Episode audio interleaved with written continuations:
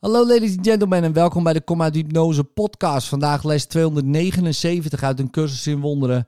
De vrijheid van de schepping belooft die van mij. Mij is beloofd dat er aan dromen een eind komt, omdat de Zoon van God niet door zijn liefde in de steek wordt gelaten.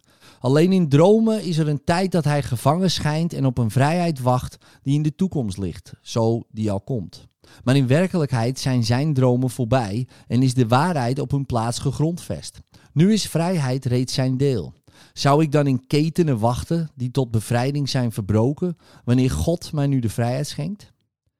Ik zal uw belofte vandaag aanvaarden en daar mijn vertrouwen in stellen. Mijn vader heeft de zoon lief die hij als de zijne geschapen heeft. Zou u mij de gave onthouden die u mij geschonken hebt? In liefde, tot morgen.